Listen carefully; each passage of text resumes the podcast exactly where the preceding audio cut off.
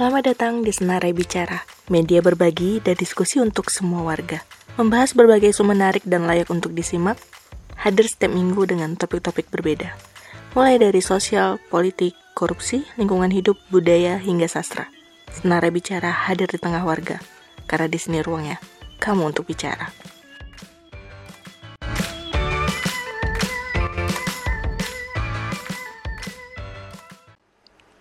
Halo semua, selamat datang dan selamat mendengarkan Senara Bicara.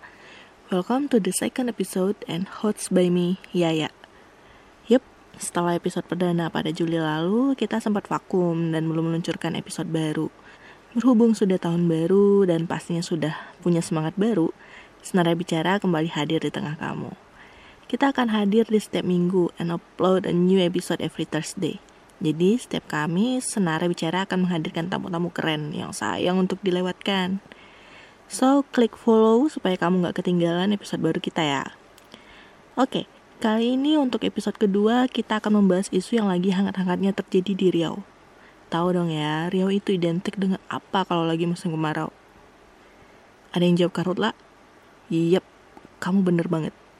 Karhutla di Riau kembali terjadi data dari Kementerian Lingkungan Hidup dan Kehutanan, pada 2019 ada 90 ribu hektar hutan dan lahan yang terbakar di Riau. Kamu bayangin, 90 ribu hektar itu sama dengan 1,3 kali luasnya Provinsi Jakarta. Jadi kalau misalnya Provinsi Jakarta itu seluruhnya kebakar, nah itulah luas kebakaran hutan dan lahan yang terjadi di Riau. Bisa kebayangkan kayak gimana parahnya kalau Provinsi Jakarta itu seluruhnya kebakar. Di Riau itu ada salah satu kabupaten yang nggak pernah absen kebakaran hutan dan lahan terjadi di sana. Itu adalah Kabupaten Pelalawan. Setiap tahunnya pasti ada aja area yang kebakar. Kebakaran yang terjadi di Kabupaten Pelalawan itu salah satunya juga disebabkan oleh kebakaran yang terjadi dalam areal perusahaan. Salah satunya itu adalah perusahaan sawit.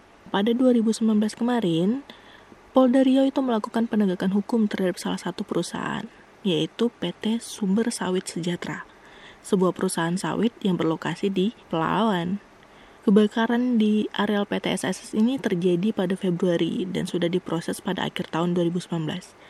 Pengen tahu dong bagaimana proses persidangan untuk perkara ini? Nggak banyak penegakan hukum yang dilakukan terhadap korporasi di Riau. Untuk itu, kita hadirkan tim dari Senarai yang ikut memantau langsung proses persidangan di Pengadilan Negeri Pelawan terhadap terdakwa PT Sumber Sawit Sejahtera.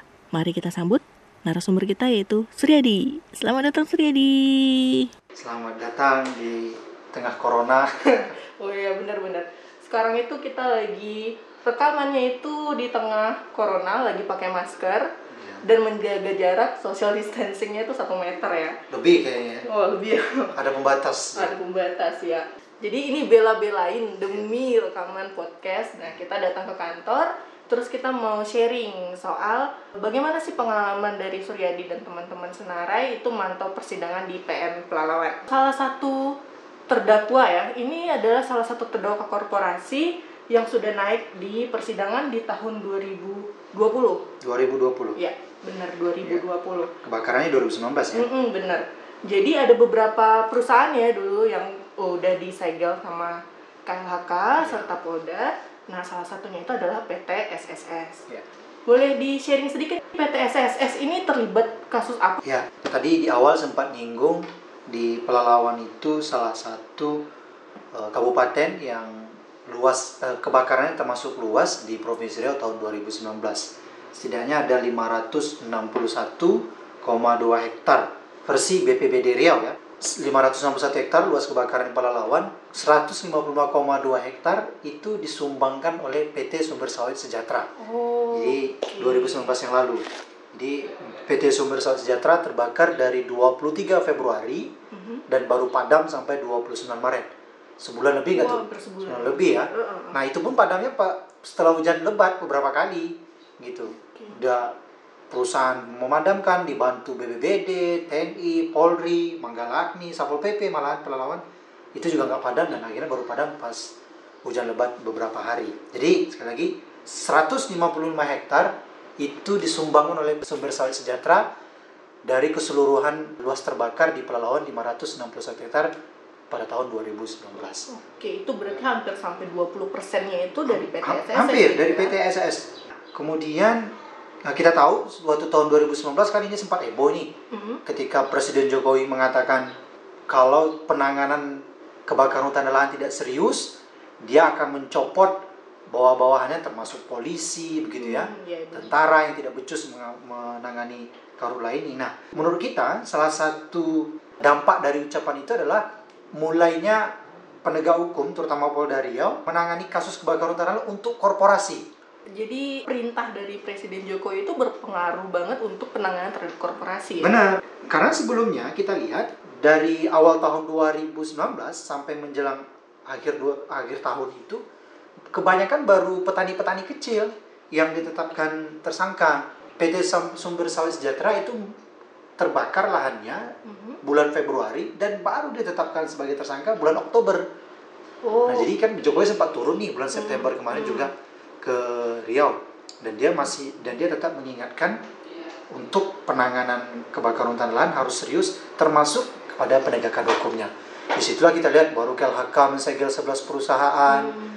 Polda Riau menetapkan empat korporasi atau perusahaan tersangka karhutla gitu ya. Itu di akhir-akhir tahun atau pasca Jokowi me- menyampaikan pesan itu tadi, kita- penegasan itu tadi. Berarti setelah penekanan dari Presiden Jokowi bahwa harus ada penegakan hukum yang adil baik itu untuk korporasi maupun untuk perorangan, PTSS adalah perusahaan pertama Ya, yang diproses untuk itu. ya. Sebenarnya selain sumber sejahtera ada PTT Soindah Mhm. yang sekarang juga Ya, eh, dipantau bersidang ya. di Pengadilan Negeri Rengat. Kemudian kita sempat juga mendengar ada PT AD Plantation yang juga kembali ditetapkan tersangka, tapi belum kita tahu statusnya apakah berkasnya sudah lengkap, apakah sudah dilimpahkan oleh ke pengadilan atau belum, kita belum tahu. Tapi yang jelas sudah ada dua korporasi yang terlibat kebakaran hutan tahun 2019 yang sekarang dalam proses persidangan. Sidangnya mulainya kapan nih? Itu Desember, akhir tahun.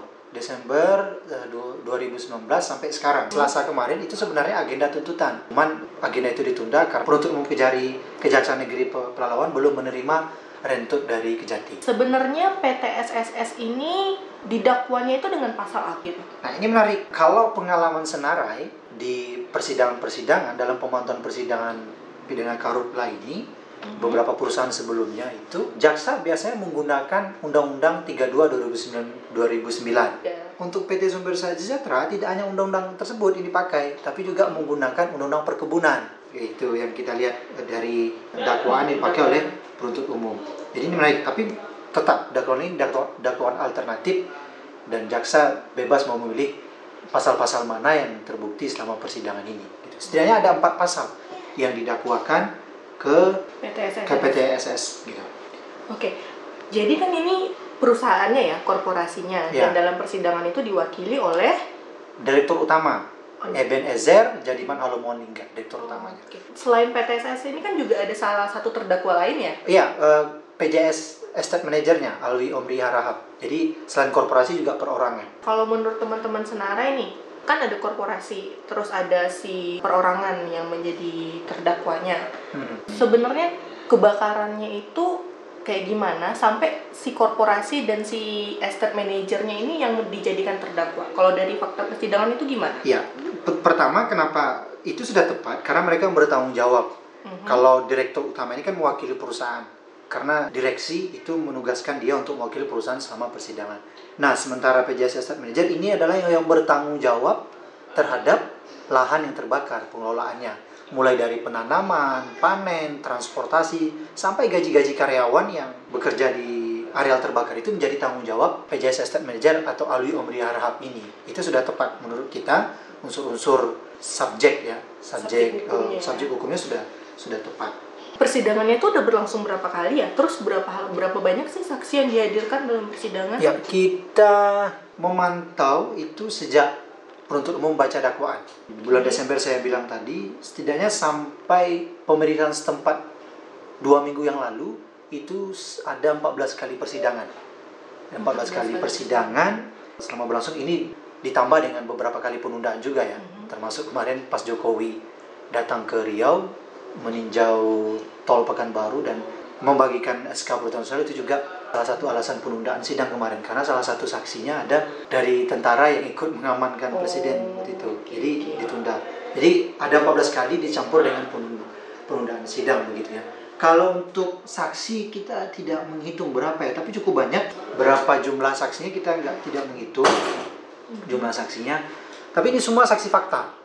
Ya menarik. Jadi ini menarik juga kita lihat dari awal setelah penuntut umum menyampaikan dakwaan itu perusahaan atau terdakwa tidak menyampaikan keberatan atau eksepsi. Sama sekali. Sama sekali tidak menyampaikan eksepsi. Jadi lanjut pada pemeriksaan saksi. Oh berarti dia menyetujui dengan Menyetujui dakwaan dakwaan itu. Nah itu. Nah lalu yang menarik juga selama persidangan mereka juga tidak menghadirkan saksi yang meringankan. Jadi semuanya itu saksi dari Semua saksi fakta dari saksi penuntut umum gitu ya. Satu pun tidak ada saksi meringankan dari perusahaan atau dari terdakwa gitu ya, kecuali satu orang ahli dari dari perusahaan. mereka gitu ya. Oh, Dari mereka. oke. Jadi kita lihat sebenarnya kalau mengikuti proses persidangan ini dari awal berat sekali, berat sekali untuk dia bisa bebas dari dakwaan dan tuntutan eh, jaksa penuntut umum. Mudah-mudahan nanti hakim juga akan berpihak kepada eh, penuntut umum gitu ya. Oh. Kita lihat. Dan dari awal kita sudah melihat dia apa ya? Pasrah. Pasrah Oh gitu.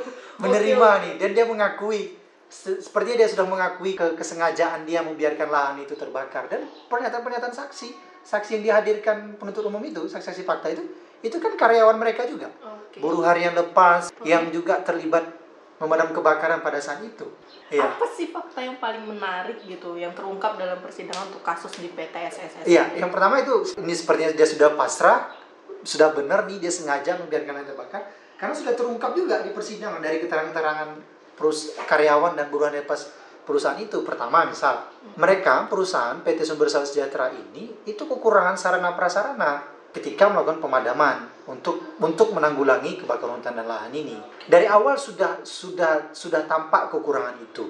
Misal kan kita melihat harus ada pencegahan Hmm, salah satu pencegahan misalnya harus ada menara pantau api toh iya. misalnya kan menara pantau api bayangkan coba dari 5.604 hektar Luas luas, izin usaha perkebunan perusahaan cuma ada satu menara Wow. cuma ada satu menara padahal kalau kita lihat permentan setidaknya untuk luasan 500 hektar itu harus ada satu menara loh Nah harusnya itu dia punya. Hmm. dia harus punya 11 menara minimal di luasan 5.604 hektar Dan itu dia hanya punya satu. dan dia hanya punya satu ngakunya dia punya tiga Aha. tapi dua lagi nggak berfungsi Oh. karena nggak sesuai standar kan ada tingginya cuma 6 meter 5 meter cuma satu yang tinggi 15 meter yang sering dijaga orang naik situ ada drone ada teropong di situ Oh gitu. di situ lengkap untuk Lengkap, ada drone. Tapi cuma satu. cuma satu gitu Oh. bagaimana bisa mengawasi area Seluruh 5.600 area hektar itu 5.000 gitu ya. hektar. nah itu udah Oke. udah dari awal gitu pencegahannya sudah ngaco kita lihat Dan itu terbukti dari keterangan saksi. terbukti dia juga mengakui Alwi terdakwa Eben gitu ya direktur Hmm. utama yang mewakili perusahaan juga mengakui menara cuma satu gitu dan pemirsa setempat kita juga cuma dibawa di satu menara itu Oh. Oke. pemirsa setempat ini terbukti kan bayangkan bayangkan coba dan menara itu jauh lagi dari lokasi yang terbakar jadi ini ngaco misalnya ketika pertama terbakar Mhm. kita lihat untuk mengetahui titik terbakar itu bukan dari menara Nah taunya dari mana? jadi ada kepulan asap Oh.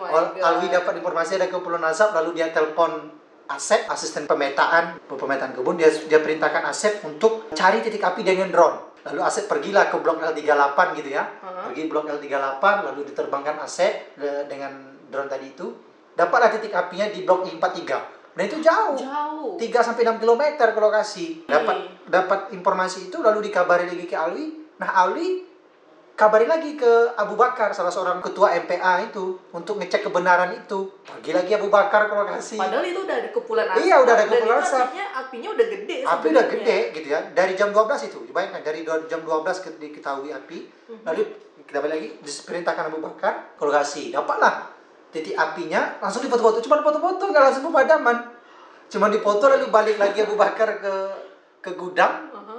kan karyawan dan Alwi udah ngumpul di situ semua kan Oke oke. nah, manajer tadi udah ngumpul di situ semua kabar lagi ke Alwi untuk bawa alat nah jadi dari jam 12 jam 3 lewat baru alat Turun sampai di situ.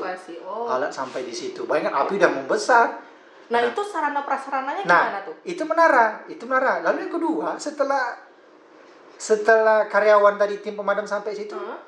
kesusahan lagi nggak ada embung, sumber Oke, air tidak sumber ada. air.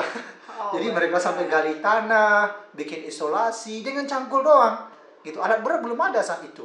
alat berat baru datang dua hari kemudian kebakaran 23 25 Februari alat berat datang nah ini yang nah persiapan itu ya persiapan ini kan sebagian pencegahan kita bilang Hmm, tidak ada embung tadi itu embung cuma ada di blok N sementara kebakaran, di, blok I, di blok K, J sama L. Kebakarannya berpindah-pindah menumpuk-numpuk begitu kebakarannya.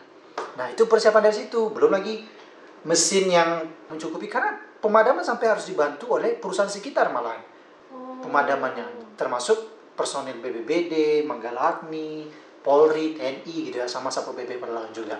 Nah di situ kita lihat kalau perusahaan siap gitu ya dari awal ada ada apa namanya ada pemantauan patroli segala macam pasti ini bisa diatasi. Nah, salah satu nih yang paling menarik kalau dari kita belajar dari kasus-kasus persidangan Karhutla sebelumnya itu kan Hmm. ada tuh temuan bahwa si tim pemantau uh, atau tim pemadam kebakaran itu juga merupakan karyawan dari perusahaan. Nah, itu benar. ada juga nggak tuh? Benar benar itu juga terjadi tangkap jabatan. Alwi sendiri selain PJS Estate Manager itu juga kepala satgas Karutla gitu. Nah dalam dua jabatan itu dia hanya digaji untuk satu jabatan malah untuk PJS Estate Manager. Jadi tim regu pemadaman ini itu hanya dipakai pada saat-saat tertentu. gitu. Waktu kebakaran Waktu kebakaran saja. Jadi SOP tidak berjalan dari awal. Kalau SOP berjalan dari awal pasti ada patroli toh Mhm, benar. patroli gitu ya oleh regu tertentu bukan karyawan yang manen bukan karyawan yang nanam bukan eh, apa bukan ka, bukan security yang jaga pos yang harus memadamkan Tapi emang harusnya itu staf khusus yang Iya, harus mendapatkan khusus. pelatihan Gitu. gitu, ya. dan itu pun kurang masih regu pemadam juga Jumlahnya. ju- masih kurang karena kan mestinya ada mestinya luasan lahan 5.604 hektar itu mereka harus punya tiga regu pemadam kebakaran tiap regu 15 orang sekarang sementara perusahaan hanya punya dua regu Dengan anggotanya dengan anggota 30 orang. Dua regu cuma seharusnya 15 orang tiap regu dan itu harus ada tiga regu. Itu juga menjadi temuan oleh Dinas Peternakan dan Perkebunan Kabupaten Pelalawan. Itu sudah diingatkan loh beberapa sebelum, kebakaran, itu. Lagi musim-musim panas itu Iya, ya. sudah diingatkan. Oke, benar sekali. Nah, selain itu gimana dengan proses pemadaman? Tadi kan itu cerita itu sampai sebulan tuh. Mm-mm. Dan itu sampai dibantu oleh perusahaan-perusahaan Hmm. di sekitarnya. Ya. Nah, kalau dari keterangan dari si saksi ataupun si terdakwa, Nah, kesulitan mereka itu apa sehingga hampir satu bulan gitu perlu waktu untuk madaminnya? Iya, pertama selain tidak ada embung tadi, gitu ya, sulit dan sumber air tadi, kebetulan cuaca saat itu juga panas, gitu, angin kencang segala macam gitu ya. Nah lalu kemudian juga perlengkapan pelindung mereka, pelindung pribadi mereka, mereka itu tidak pakai baju baju pelindung, tidak pakai helm, tidak pakai kacamata, sarung tangan, gitu ya, itu juga kurang gitu.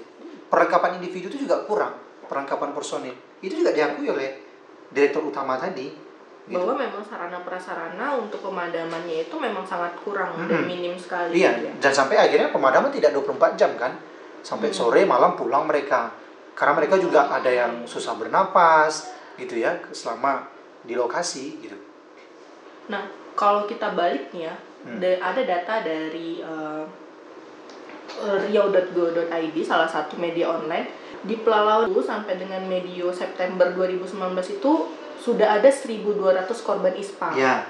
Nah, yang paling banyak itu di usia atas 5 tahun, Hmm. itu 847 orang, di bawah satu tahun itu 89 orang, dan usia dari eh, 1 sampai 5 tahun itu 264 orang. Hmm. Sampai dengan akhir September itu 4.632 orang. Iya. Itu adalah korban-korban ISPA Hmm. Yang eh, terdampak dari asap kebakaran hutan dan lahan. Hmm. Nah, ada nggak sih saksi yang hadir dalam persidangan itu yang menceritakan pengalaman mereka memadamkan itu memang berdampak banget nggak sih untuk kesehatan mereka? Banget. Saya lupa saksi mana ya, saya lupa, tapi itu ada diakui oleh seorang saksi bahwa dia juga sempat kesulitan bernafas Saat saat pemadaman itu gitu. Nah, ini sebenarnya sempat mau jadi apa namanya? Jadi pembelaan oleh perusahaan. Jadi beberapa kali pemeriksaan saksi si terdakwa itu mencoba mengalihkan eh, dampak karula ini tidak eh, karula kebakaran yang terjadi di lahan mereka itu tidak, Tidak berdampak terhadap penyebaran asap di khususnya di Kuala Panduk begitu ya. Hmm. Nah dia coba tanya itu ke beberapa saksi, tapi ada beberapa ada satu orang saksi yang mengatakan memang itu menjadi menjadi apa menjadi kekhawatiran mereka pada saat pemadaman itu gitu. Saya lupa nama saksinya siapa.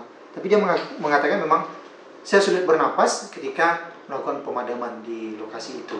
Nah, kenapa kita di bentangan kita juga juga memasukkan data yang disebutkan tadi itu itu untuk membuktikan bahwa kebakaran hutan dan lahan itu selalu berdampak terhadap kesehatan warga, kesehatan warga ISPA begitu. Hmm. Pada 2019 kita tahu kan ada yang meninggal juga ya. karena asap gitu. Oke. Nah, ini kan saksi-saksi fakta itu kebanyakan karyawan perusahaan dan mereka yeah. membenarkan bahwa sarana prasarananya tidak cukup, terus juga kebakaran itu berdampak untuk kesehatan mereka. Ada nggak sih keterangan ahli yang ada dalam persidangan itu yang memang memberatkan atau mem membenarkan bahwa ini dampaknya itu sangat banyak gitu? Jelas. Kalau seperti yang biasa ya, yang menghadiri ahli yang hadir di persidangan-persidangan pidana karula adalah Profesor Bambang Heru Sarjo dan Basuki Wasis mereka mereka detail sekali malahan menjelaskan jumlah atau berapa banyak partikel-partikel yang lepas ke udara ketika kebakaran itu terjadi gitu ya yang menyebabkan uh, apa namanya pemanasan global juga pelepasan gas rumah kaca itu hmm. itu mereka juga mengatakan itu bahkan dari kebakaran itu juga telah menyebabkan kerusakan tanah kan tentunya okay. uh, eh, hmm. rusaknya atau matinya sejumlah mikroorganisme begitu flora dan yang paling penting adalah terjadi penurunan permukaan tanah akibat uh, kebakaran itu sendiri begitu. Nah, itu lebih lebih detail dijelaskan oleh dua ahli tadi. Di setiap laporan sidang Senarai itu itu juga bisa dibaca di website Senarai di YouTube langsung keterangan-keterangan saksi itu. Bisa lebih detail bisa dibaca di situ gitu. Nah dan menariknya lagi ahli yang disam, ahli yang dihadirkan terdakwa itu juga mengatakan hal yang sama apa tuh? Pada intinya adalah kebakaran di lahan gambut itu sudah barat, sudah tentu menyebabkan kerusakan.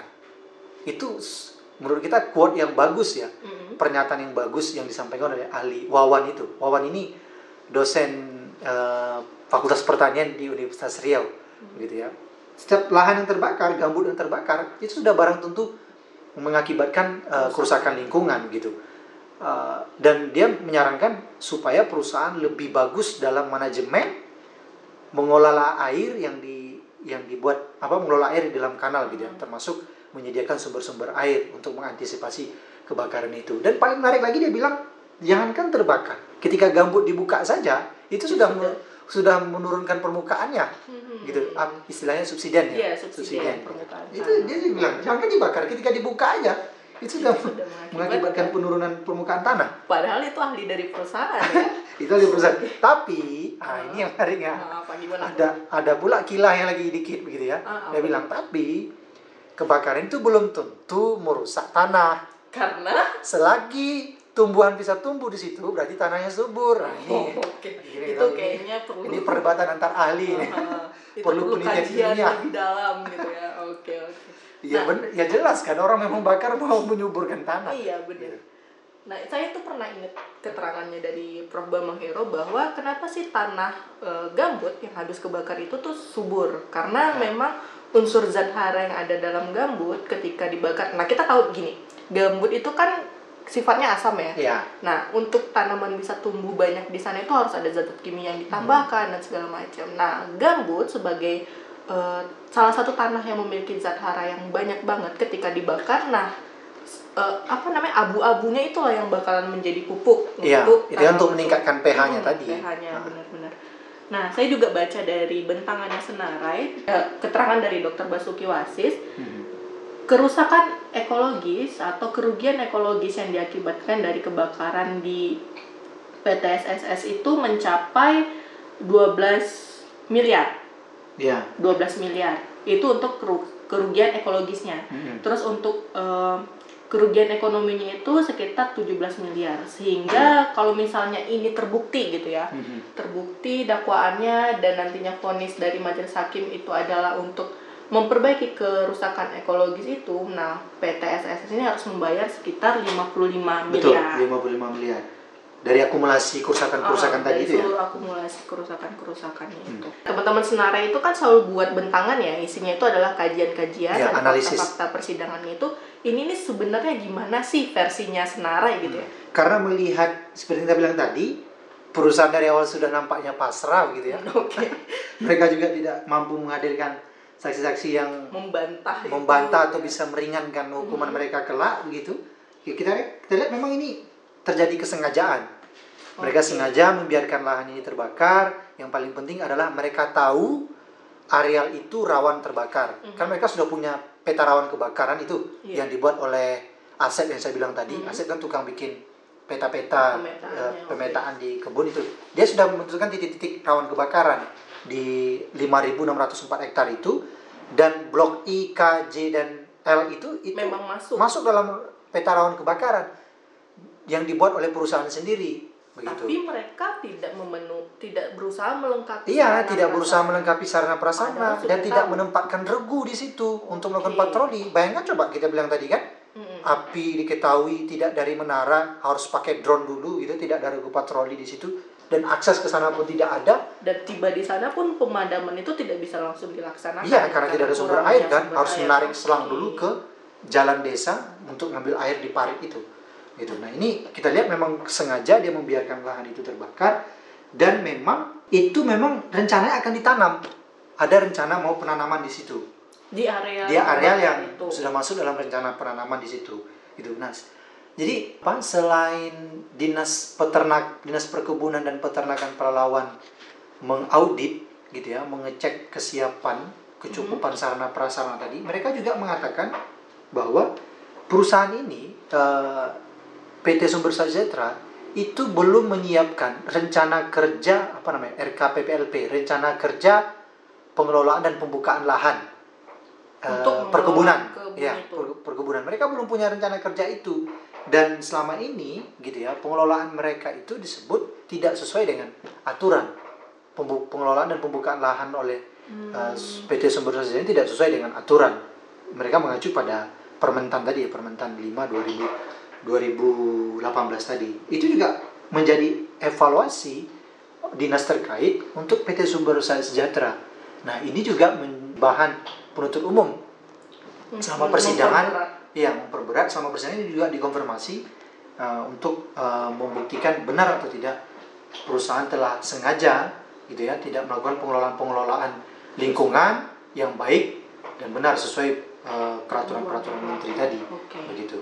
Nah, jadi kita lihat menurut kita ini sudah layak, sudah pas menurut kita kita harapkan gitu ya karena di Riau dari pengalaman kita Iya. belum pernah ada perusahaan yang dihukum dengan pasal 98 Iya, benar. sengaja membiarkan kita harap penuntut umum gitu ya menggunakan pasal 98 ini atau pa- pada dakwaan ke satu ini gitu termasuk nanti juga majelis hakim mengabulkan gitu ya. mengabulkan eh, karena dilihat dari fakta-faktanya kepasrahan Iya. mereka tidak kalau hakim mau kurangi hukuman atau setidaknya tidak menggunakan pasal 98 mau pakai alasan yang mana gitu tidak ada keterangan yang yang membantah fakta-fakta tadi tidak ada keterangan yang bisa meringankan perusahaan dan uh, yang berharap gitu ya dan keterangan ahli pun sedikit banyaknya juga sependapat dengan keterangan Bambang Heru Sarjo dan Basuki Wasis. Jadi hakim dan jaksa dan hakim mau pakai dalil mana begitu? Mau pakai Karena mau pakai alasan apa gitu? Ini biasanya bentangan ini bakalan dipublish gitu ya? Ya, dan itu dikasih ke jaksa dan di share publik. Mudah-mudahan Nah, hakim itu juga baca. hakimnya ya bisa jadi berharap gitu ya. Rekomendasinya apa nih? Ya, pertama tadi yang kita bilang bahwa jaksa itu harus menggunakan pasal 98 untuk hukum PT Sumber Daya Sejahtera dan PJS Estate Manager Alwi Berhab dengan atau dakwaan ke satu. Menurut kita sudah layak karena tidak ada alasan ataupun dalil-dalil lain untuk menggunakan pasal lain gitu atau setidaknya memberi hukuman yang ringan kepada terdakwa begitu. Itu yang kita harapkan dari tuntutan jaksa. Dan mudah-mudahan tuntutan itu juga dipakai oleh majelis hakim. Kalau iya gitu bener kita gitu ya. kita senang kali gitu. Apalagi ini pahlawan ya kita pengalaman pahlawan ini juga. Aduh. Paling banyak gitu ya. Ad- pengalaman kita mantau di sana kadang hukuman sangat mengecewakan beberapa kan kita bebas bebas jadi kita harap mudah-mudahan hakim lebih berpihak seperti kita bilang tadi karena kebakaran hutan dan lahan selalu berdampak terhadap penyakit ispa mudah-mudahan hakim juga melihat dampak itu karena juga dia juga pasti merasakan merasakan dia tinggal di ada Pelalawan dan dia merasakan Oke. asap itu. Setidaknya dengan pengalaman itu, dengan dampak yang dia rasakan, dia melihat, oh ini wajib dihukum dengan pasal 98 kesengajaan. Begitu terima kasih kepada Suryadi kita Sama-sama. sudah sampai di akhir perbincangan dan diskusi santai kita kali ini ya nah kalau misalnya ikuti ya karena minggu depan akan tuntutan oh lanjutan oke minggu depan Minggu itu depan. hari Selasa 31 Maret Oke, Selasa 31 Maret itu adalah agenda tuntutan Tuntutan. dari Jaksa Penuntut Umum untuk PT SSS. Buat teman-teman yang mau tahu bagaimana proses persidangannya, itu bisa lihat di live tweetnya Senarai di @senarai. Terus juga kalau mau lihat video sidangnya itu di YouTube ya, Iya. di YouTube-nya Senarai. Oke, terima kasih kepada Suryadi. Semoga perbincangan kita hari ini bermanfaat untuk kita semua dan untuk lebih lengkapnya bentangan Senarai itu bisa diakses juga di website senarai.org.id. Terima kasih untuk kesempatan dan perhatian dari teman-teman mendengarkan perbincangan kita dari awal sampai akhir. Sampai jumpa untuk episode selanjutnya. Bye.